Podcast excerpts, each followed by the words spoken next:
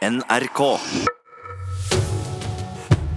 Kulturskolen i Norge er en av landets best bevarte hemmeligheter. Det er formuleringen til et utvalg i en rapport bestilt av regjeringen. Kulturskolen skal jo være et tilbud til alle barn og unge i alle kommuner, men rapporten den slår fast at dårlig synlighet, lite markedsføring, høye priser mange steder gjør at tilbudet rett og slett ikke er godt nok. Tre, fire, en.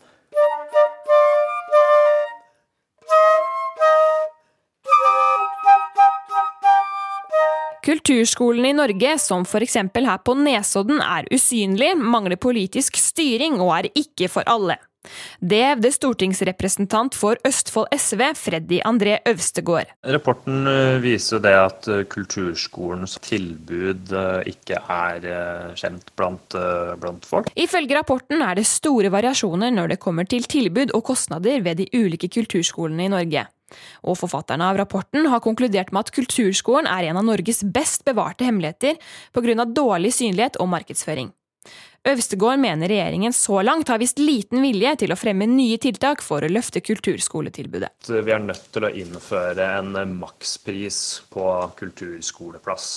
I dag så er eh, kostnadene for å delta i kulturskolen eh, altfor eh, høy for mange. Det er store forskjeller mellom kommunene.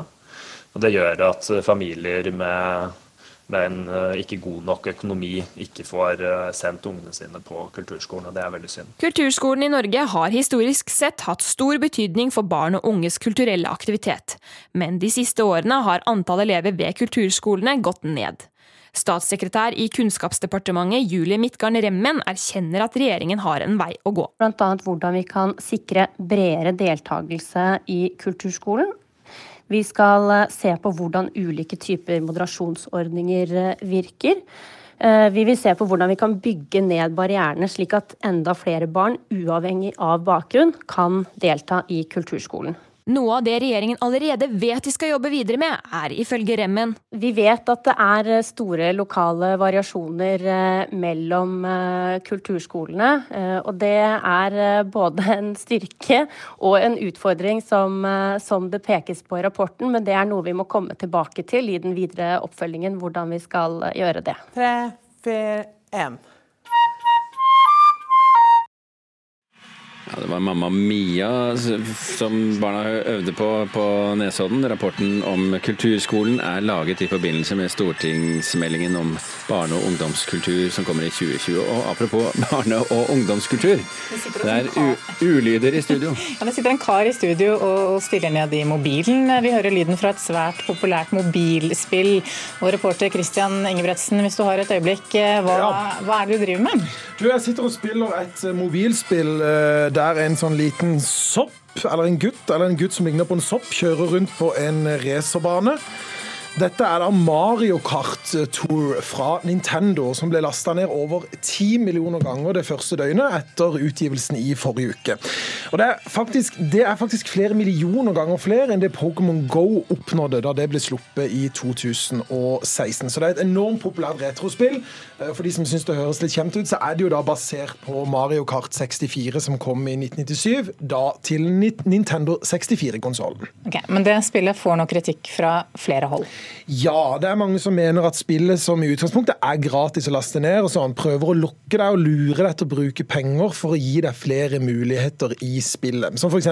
tilgang til flere racerbaner og fordeler som får deg til å oppnå mer i spillet. Kjente spillmedier som Reddit og Kutaku Kotaku, jeg hadde ikke hørt om det før, men de er veldig gode på spill. De kaller Mario Kartor grådig og usmakelig. Og En som heter Magnus Groth Andersen, som er sjefredaktør i det danske spillmediet Game Reactor, sier til dansk radio at han tror at grunnen til at folk er irriterte, er fordi Nintendo aldri tidligere har brukt såpass aggressive strategier for å tjene penger. Og Det er spesielt bruken av såkalte mikrotransaksjoner, altså små ekstrakjøp som du nesten liksom ikke tenker over, som du plutselig har kjøpt kjøpt, og så har du brukt penger. Det er det som hovedsakelig får kritikk. da. Ok, Men sånn er det vel i en del eh, andre spill også? Eh, jo, det kan godt være, men de mener at eh, denne gangen så, eh, så går de ekstra hardt ut på det området. da. Hva sier Nintendo til kritikken? Foreløpig så har ikke Nintendo svart på kritikken. Skal vi se om vi får noe svar fra dem i løpet av dagen eller om noen dager. Takk skal du ha, Christian Ingebretsen.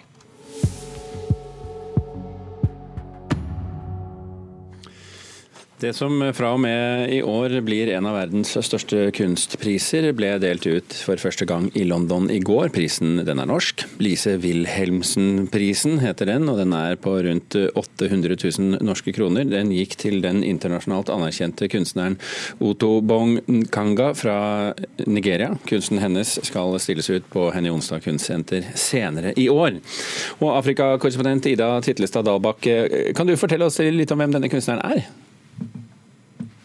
Ja, Otto Bong Nkanga er en nigeriansk kunstner som bor og jobber i Antwerpen i Belgia.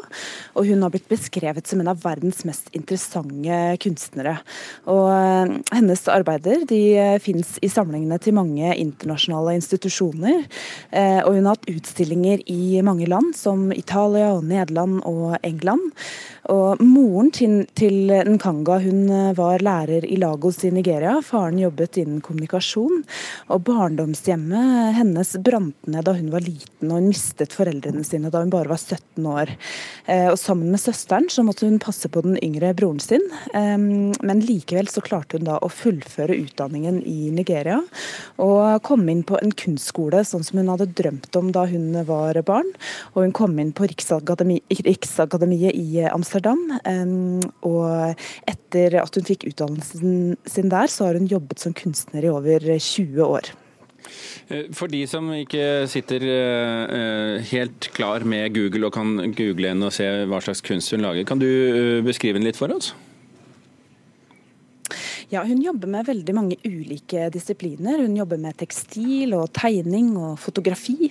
Installasjoner og, og video og performance. og uh, Veldig mange forskjellige disipliner.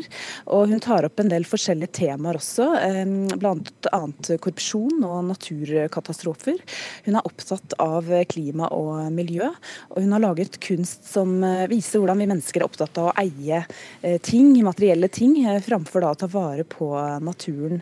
Og i eh, kunsten sin så knytter hun eh, sammen menneskekropper og naturressurser bl.a. Og så setter hun da spørsmål eh, ved hvordan vi mennesker bruker naturen til å fylle materielle behov.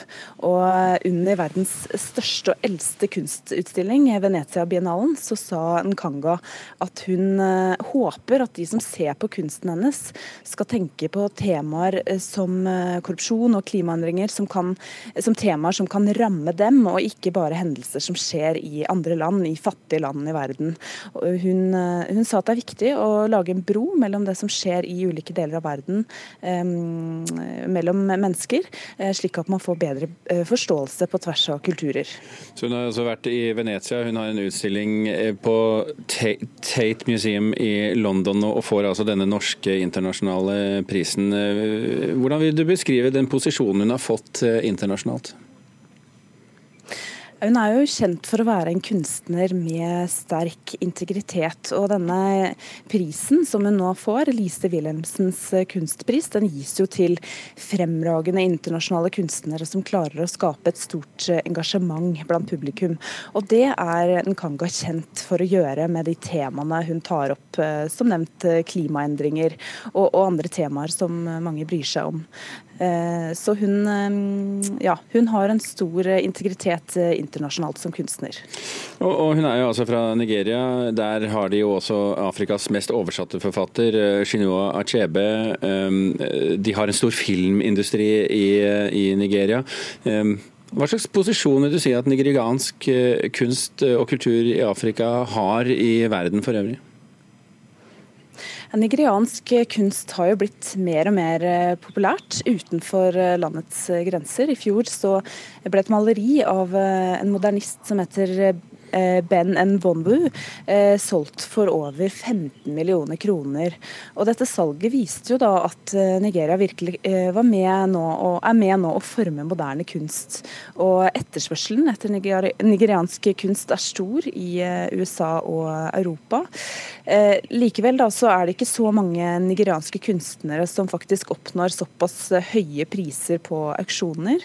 Men etterspørselen i, i Nigeria vokser. Og det er fordi at økonomien her har fått en oppsving. Nigeria er jo nå den største økonomien i Afrika, og derfor så har folk rett og slett mer penger til å kjøpe eh, kunst og, og bruke penger på musikk og mote og andre ting. Så mm, Eh, nå har det kommet eh, mange flere gallerier og auksjonshus eh, i Nigeria. Og Lagos har altså flest gallerier per kvadratmeter på det afrikanske kontinentet. Ok, Ida Titlestad Dabak, takk for dagens voksenopplæring. Vi skal fra afrikansk opptur til norsk nedtur, hvis vi trekker litt hardt i det, Anne. I helgen så åpnet Munch-museet på Tøyen en utstilling for aller siste gang. Som kjent er museet på flyttefot. Og Mona Pale Bjerke, kunstkritiker her i NRK. Du har jo sunget Munch-museets pris i alle tonearter må vi kunne si, for deres måte å håndtere denne flytteprosessen på. Ja, det er jo en utrolig tung eh, prosess å flytte støtte en slik institusjon som virkelig har slått rot, sånn som Munch-museet har gjort eh, på Tøyen. Og Det har jo vært smertefullt, og det har vært en følelsesladd debatt og alt mulig. Men jeg syns det har vært en udelt glede å jakta hvordan Munch-museet har klart å ha en høy aktivitet, eh, ordentlig høy aktivitet, både i selve museet, men også gjennom denne metaforiske vandringen mot Bjørvika, der det nye museet skal åpne. altså Munch-museet i bevegelse, som dette prosjektet heter. Og, eh, så jeg syns jeg, synes jeg, jeg, har rost dem, og jeg mener at det har jeg gjort eh, med rette. Da.